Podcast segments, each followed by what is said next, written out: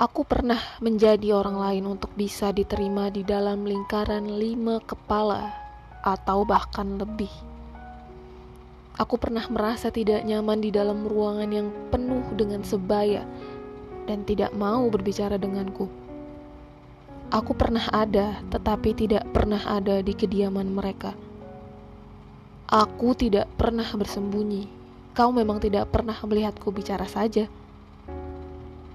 Aku juga sembunyi di balik mengiyakan tawa yang terlanjur bergema.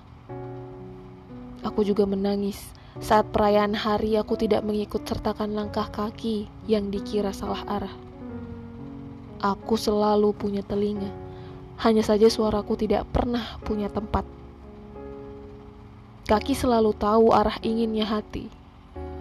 Namun kepada yang lain tak pernah ada yang mengerti. Bahkan yang terdekat dari letak urat nadi tak cukup melarang. Menjatuhkan juga perkataannya agar cukup didengar. Tetapi nyatanya keras kepala semakin menjadi-jadi nampaknya. Bukankah seperti itu manusia mengonsepkan keinginan yang tak direstui? Selama ini aku hanya berbicara kepada angin di hadapan wajah beliau dan milik mereka.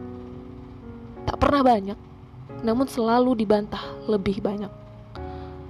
Kata-kata milik yang tak punya lidah ini tak pernah lebih dari satu kata. Mimpi, itu saja, tak pernah jauh. Namun yang diterima kembali hanya membuat hak bernapasku seperti mau habis. Sampai kapan sejak mimpi bunuh diri aku selalu menjadi akhir dari umpama yang tak pernah menjadi penting. Mereka berdiri sendiri. Aku terbawa dari menghitung siapa yang tak pernah melihat mata kata. Atau kota punyaku yang tak pernah mau aku bagi. Aku punya ruang satu tangan saja.